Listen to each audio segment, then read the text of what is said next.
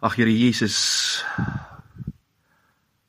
ons kom ver oggend na U toe met een begeerte en dit is dat U vir ons weer sal bewus maak van dit wat U vir ons bewerk het op Golgotha meer as 2000 jaar gelede. Help ons om te hoor wat U vir ons sê. Daar waar ons elkeen nou by ons huise sit en luister. Maak ons ore oop. Maak ons harte ontvanklik verander ons, vermurwe ons deur u woord en lanceer ons in diens vir u in hierdie gebroke wêreld vol lyding en smart en angs. Asseblief Here, ons is afhanklik van u.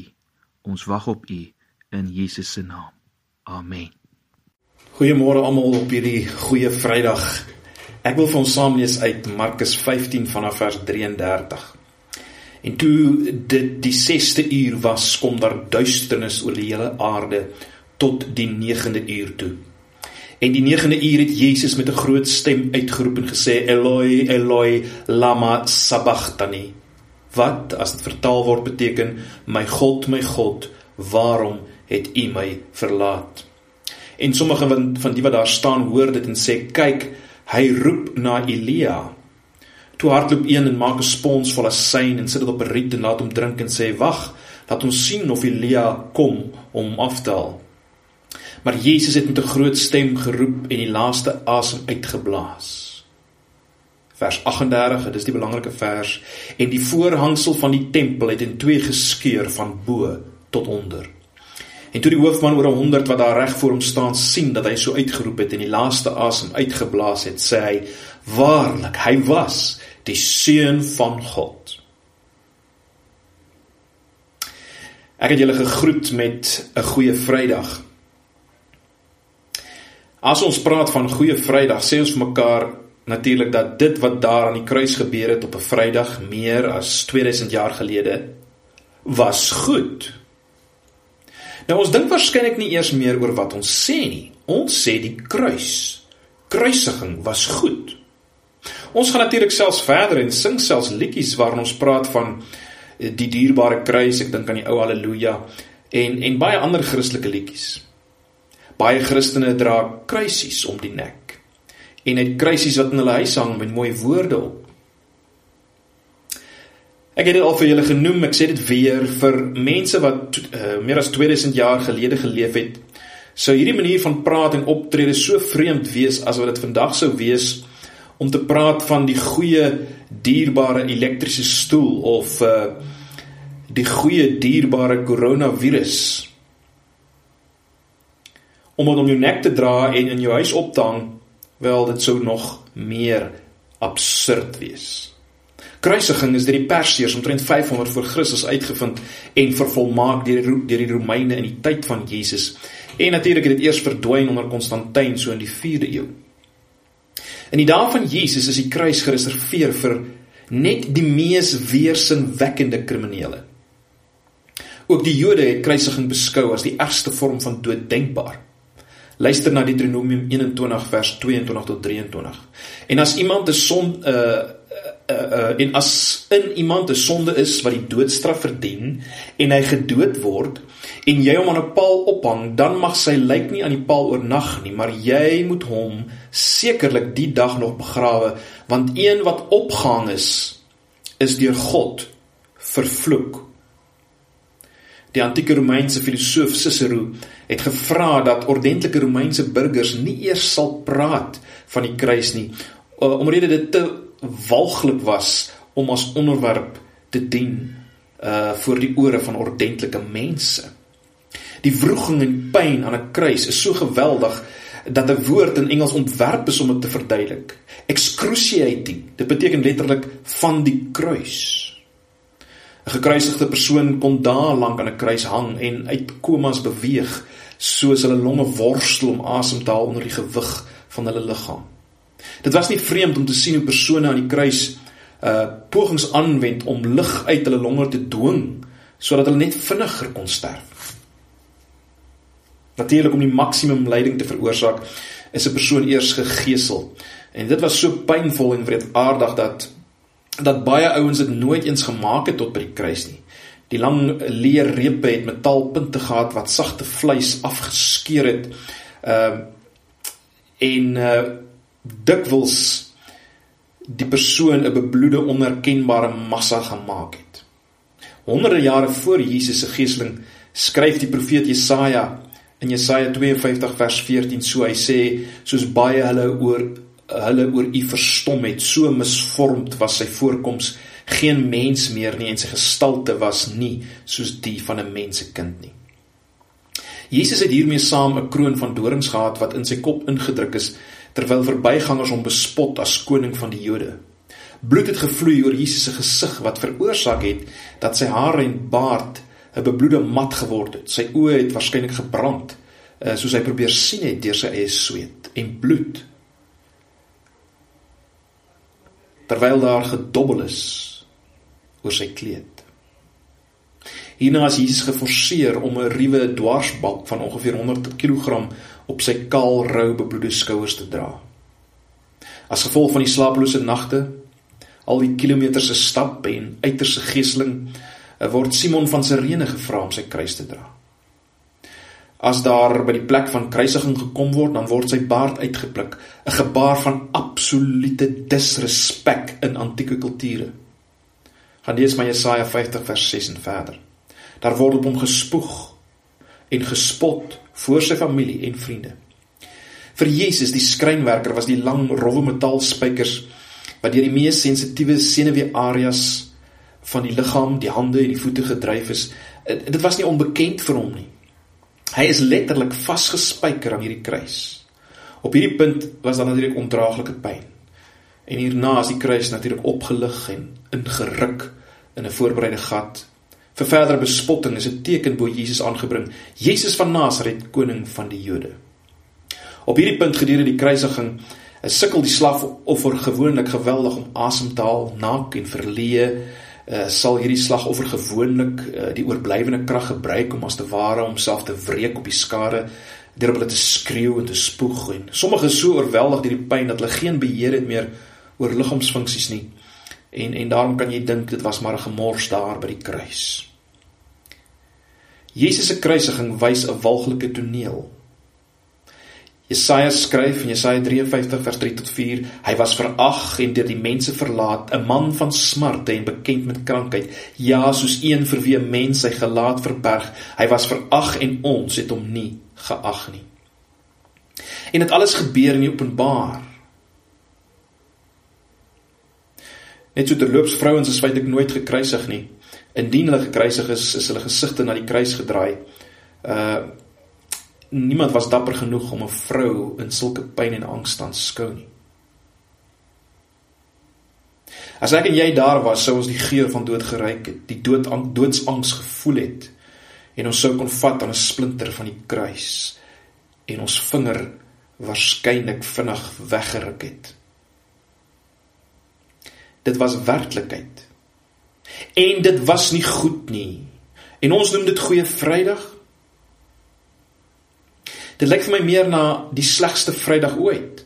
Ons moet die vraag vra, is daar is daar enige aanduiding in die gedeelte wat ons gelees het? Enige aanduiding in dit wat daar aan die kruis gebeur het, daardie Vrydag, uh wat kan maak dat ons dit goed noem? En my antwoord is ja, daar is. Daar is. En ons kry dit in vers 38.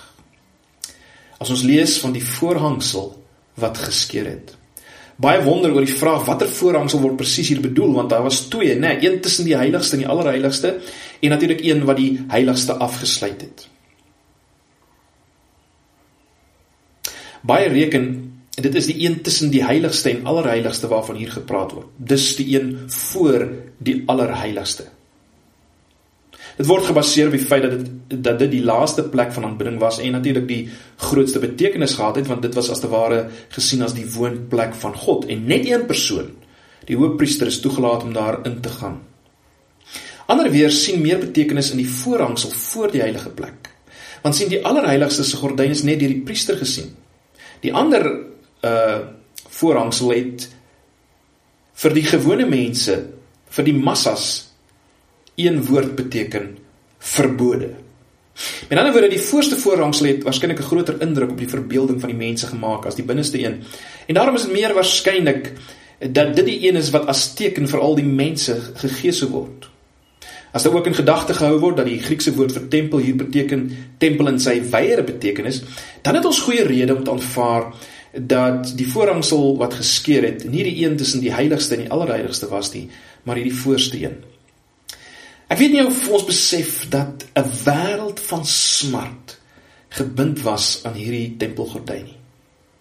Argeoloë het selfs kennisgewingsborde opgegrawe wat onrein is soos die nie-Jode en selfs ook vrouens en kinders verbied het om verby uh hierdie onderskeie voorhoewe te gaan. Hulle is inderdaad met die doodstraf uit die tempel geweer.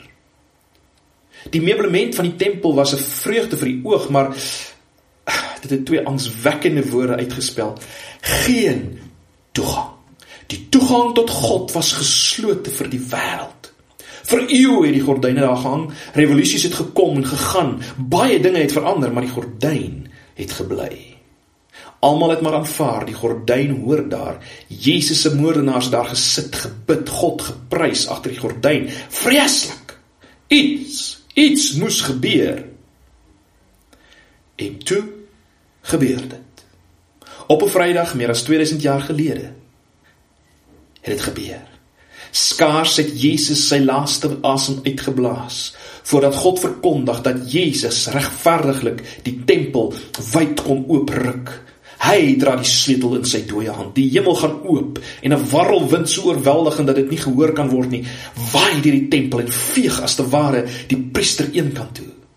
'n Hand gryp die gordyn, ruk dit in repe van bo na onder en God getuig, die werk van my seun was perfek. Die toegang tot my is oop. Onthou wie was Jesus? Ons weet hy praat van homself as die tempel in Johannes 2 vers 21. Hy was die tempel van God in volmaaktheid. Kolossense 1 vers 19 en 2 vers 9 sê dat in hom woon die volheid van die godheid liggaamlik. God self het as te ware geskuil agter die vernederde, gebroke liggaam van Jesus van Nasaret. God het in hom gewoon. Maar mense het dit natuurlik nie gesien nie. Die liggaam van Christus was as te ware in aanhalingstekens die ding wat God verberg het. Solank as die liggaam van Christus waar agter God geskuil het in aanhalingstekens ongebreek gebly het, kon God homself nie openbaar aan die wêreld en aan my en jou nie. Daarom is die liggaam van Jesus wat gedien het as die voorhangsel van God of dat ek so sê wat gedien het as die voorhangsel wat God verberg het. Daarom is hierdie liggaam van Jesus geskeur sodat God na mense kon kom. En as jy dink, kyk Jakobus, jy filosofeer dan nou vreeslik. Luister na Hebreërs 10 vers 20. Broers, ons het nou deur die bloed van Jesus vrye toegang tot die heiligdom en dit op 'n weg wat nuut is en na die lewe lei. Hierdie weg het hy vir ons gebaan deur die voorhangsel heen. Dit is deur sy liggaam. Dis nie my woorde nie, maar die woorde van die Hebreër boekskrywer. Op Golgotha is die voorhangsel van die eintlike tempel geskeur in die vorm van die liggaam van Christus. En daarom is die voorhangsel van die laar tempel te gelyke tyd geskeur. Dit is die goeie nuus van Goeie Vrydag. Toegang tot God is nou moontlik vir almal, ook vir almal in hierdie tyd van die koronavirus pandemie. Hoekom? Eenvoudig omdat God nou weer in kontak met die mens kon kom sonder dat die mens verteer sou word. Hoekom? Omdat sonde weggeneem is, vernietig is. Hoe? Hoe het dit gebeur? Wel in daardie tyd van duisternis, aan daardie kruis Die kruis waaroor ons nou gepraat het, het hy homself op die ware altaar geplaas. Met die kruis as offerhout het hy die volmaakte lam van God as priester en offerlam te gelyk opgetree. Hy gaan met sy eie bloed in die allerheiligste in. Hy doen verzoening. En hy doen verzoening nie net vir die volk Israel se sonde nie, maar vir die nuwe volk uit elke stam en volk en taal en nasie vir almal wat nou geraak word deur die koronavirus, vir onreines en mans en vrouens en kinders en siekes. En daardie 3 uur duisternis het hy die rol van die sondebok op wie die sondes van die wêreld gelê is, vervul. En God moes hom so behandel al was hy God se seun. In die 3 uur duisternis is Jesus as brandoffer deur die toorn van God, die verterende vuur God verbrand. En die aklighede van die kruisiging self was maar net afbeeldinge van die groter realiteit van God se verterende vuur woede teen sonde. God wat self dwars deur die Ou Testament uitgebeeld word as 'n vuur. God verbrand die sonde, die sonde van hoogverraad teen hom in Jesus. Maar goed, wat sê dit alles vir my en jou? Waaroor moet ons besin in hierdie dag? Waarom luister jy nou na my? Wel, ons moet besef dat wat daar gebeur het, het iets van ongelooflike kosmiese betekenis uh ingehou. Dis geen wonder dat daar 6 uur duisternis oor die hele wêreld gekom het en die rotse geskeur het nie. So wat sê dit vir ons? Eerstens, dit sê vir ons iets van ons in die wêreld se toestand, iets van jou toestand. Besef jy en ek werklik vanoggend wie is die een wat die kruisiging waarvan ons nou net gepraat het deurgegaan het? Dis die een van wie Johannes 1 vers 1 sê in die begin was die woord en die woord was by God en die woord was self God. En dan sê Johannes 1 vers 14 hy het mens geword. Hy's die een van wie gesê word dat as jy na hom kyk, sien jy die heerlikheid van God. Hy's die een waarvan Petrus sê hy het geen sonde gedoen nie en in sy mond is geen bedrog gevind nie. 1 Petrus 2 vers 23. Toe hy uitgeskel is, het hy nie terug uitgeskel het geskel nie. Toe hy gelei het, het hy nie gedreig nie, maar hy het dit oorgegee aan hom wat regverdig oordeel. Hy's die een wat melaatses aanraak. Onrein is rein verklaar siekes gesond maak, sondes vergewe, besettenis vrymaak. Wat aankondig, die koninkryk van God het nou naby gekom. Broers en susters, vriende, dis hy wat daar aan die kruis hang. So dit iets dit sê iets van my en jou en die wêreld rondom ons. Ons wat allermins goed is. Sonder om te veel te dink, is dit net logies dat iets groot fout is met ons as God self, God die Seun, dit moes deurmaak wat hy deurgemaak het. Ons moenie vergeet vir wie hy dit doen nie. Luister na Jesaja 53 vers 5. Maar hy is ter wille van ons oortredings deurboor, ter wille van ons geregtighede is hy verbrysel.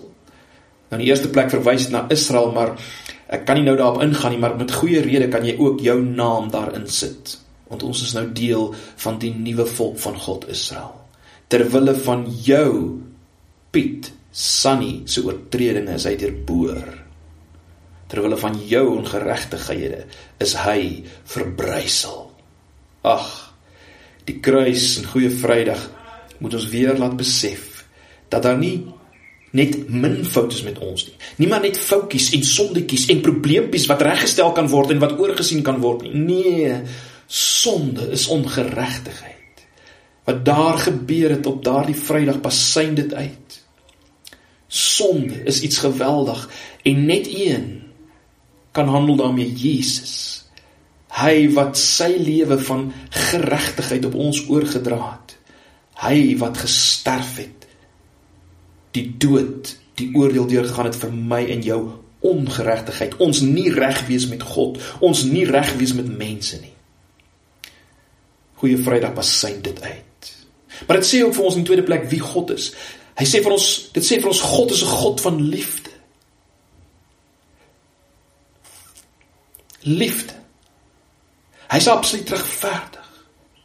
Maar absoluut ook liefdevol en daarom die enigste manier hoe hy aan albei kon laat reg geskied is om self in Jesus onder die kruis deur te gaan. Maar dit wys vir ons, hy het 'n hart vir almal. Hy wil in kontak wees met mense ook nou in hierdie tyd. Hy nooi jou in hierdie tyd van die koronavirus om na hom te kom. So dit sê vir ons in die tweede plek wie God is en in die derde plek sê die gedeelte vir ons wat die lewe is, waarvoor jy bedoel is. Jy's bedoel om te lewe vir hierdie een, Jesus Christus. Baie vinnig net vier en dit sê ook vir ons wat die grootste sonde nou is. Die grootste sonde nou vir enige mens is dit om nie in kontak te wees met Jesus nie, om nie lief te wees vir Jesus nie.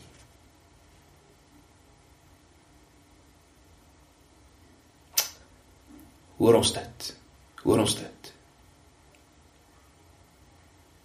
Want as jy nie lief is vir Jesus nie, is jy die een wat hom uiteindelik weer kruisig. Maar goed, in die 5de plek. Hierdie gedeelte sê vir ons dat God weet alles van pyn en hartseer en Godverlatendheid. Alles. Hy staan nie apaties ver, hande gevou uh in hierdie tyd van die koronavirus nie. Hy weet wat pyn is en beteken en hartseer en Godverlatendheid, onskynlike Godverlatendheid.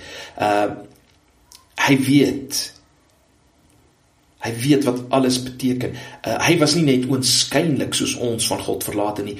Hy, uh, hy was werklik van God verlate. God in Jesus. Dit is onbegryplik, dit is te groot om te verstaan, maar dit sê vir ons, hy weet alles van die toestand waarin sy mense nou gaan in hierdie tyd van die koronavirus. Kom ons vat dit. Die grootste uitdaging en vraag is volgens dit: Kan jy al sê dat hierdie aaklige dag 'n goeie Vrydag was? Nie op 'n sentimentele onnadenkende manier nie. Maar beleef jy die goedheid van daardie Vrydag in jou gemeenskap met God, die God wat nie meer verborge is in 'n tempel nie. Ag, as dit so is, laat ons met vrymoedigheid hierdie boodskap ook versprei in hierdie tyd. Ag, sodat die mense rondom jou as hulle na jou lewe kyk, sal sê dit was 'n goeie Vrydag. Dit het Piet en Sunny en en Jan so omgekeer en beïnvloed hulle lewens elke dag uur na uur, minuut na minuut.